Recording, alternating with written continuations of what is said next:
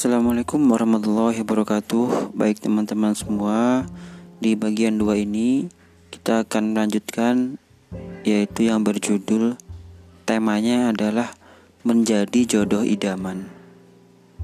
Oke Baiklah kita lanjut ke pembahasan yang pertama Yang berjudul Nunggu jodoh Optimalkan masa jomblo.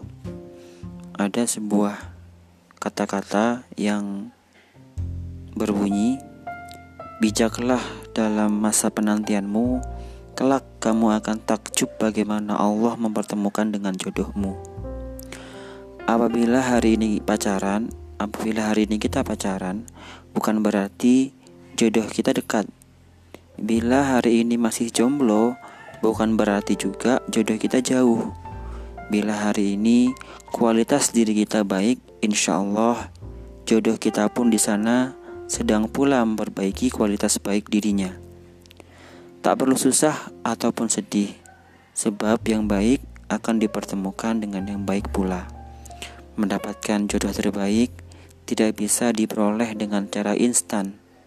Kita perlu menimba ilmu, mengasah, melatih, menggembleng, dan memaksa diri untuk keluar dari zona nyaman.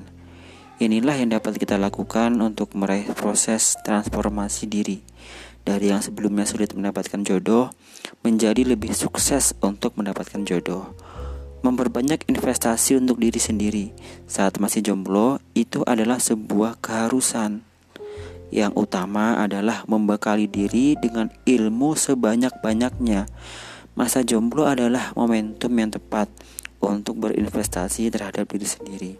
Masa lajang sudah sepatutnya sangat disyukuri jika masa single ini di, bisa dijalani, dijalani dengan gaya hidup yang bermutu, mengisinya dengan kaya ilmu, kaya pengalaman, berkonsentrasi mengukir tinta emas, maka tentunya kebahagiaan yang kita peroleh nantinya. Jika dibandingkan dengan orang yang sudah berpasangan, kondisi jomblo justru memberikan banyak kesempatan berharga dalam hidup. Pertanyaannya, sudahkah kita menggunakan seluruh kesempatan berharga tersebut? Orang yang mampu memanfaatkan kesempatan berharga ini akan memiliki kehidupan yang berkualitas, yang penuh dengan kebijaksanaan. Sebaliknya, orang yang tak mampu memanfaatkannya dengan baik pasti akan merasakan sengatan racun kesepian dan kesendirian. Jadi, masa sendiri yang tidak dimanfaatkan dengan baik justru akan berbalik merugikan kita. Ada banyak hal yang sayang jika kita lewatkan begitu saja ketika kita masih sendiri. Misalnya, menimba ilmu agama di pondok pesantren, mengikuti asrama pengajian, mengikuti pelatihan-pelatihan, belajar training belajar training motivasi, ikut seminar, mengikuti kompetisi, sibuk kegiatan sosial, dan bisa juga magang kerja sesuai dengan minat kita. Kita dapat meningkatkan kualitas hidup semaksimal mungkin dan mengeksplorasi diri kita. Di dalam di dalam masa-masa single adalah masa di mana kita mempunyai banyak waktu untuk mematangkan diri dan mencoba berbagai hal. Ibarat besi, masa-masa ini kita perlu dibentuk terlebih dahulu, dibakar, dihantam, kemudian ditempa menjadi pedang, sehingga menjadi tajam. Dengan ilmu yang banyak, kita semakin mantap melangkah, bisa memantaskan diri agar bisa menjadi pribadi yang berkualitas. Di mana penantian penantian investasikan, di masa penantian investasikan waktu, materi dan tenaga. Curahkan lebih banyak untuk diri sendiri, bukan pencarian jodoh dulu. Meskipun kebanyakan anak muda lebih banyak menghabiskan tenaga, uang, dan waktunya untuk pacaran, padahal pada tahap sebelum menjalani hubungan ini, calon jodoh kita tidak eh, calon jodoh kita sebenarnya belum layak untuk menerima sedemikian besar investasi kita. Mengapa demikian?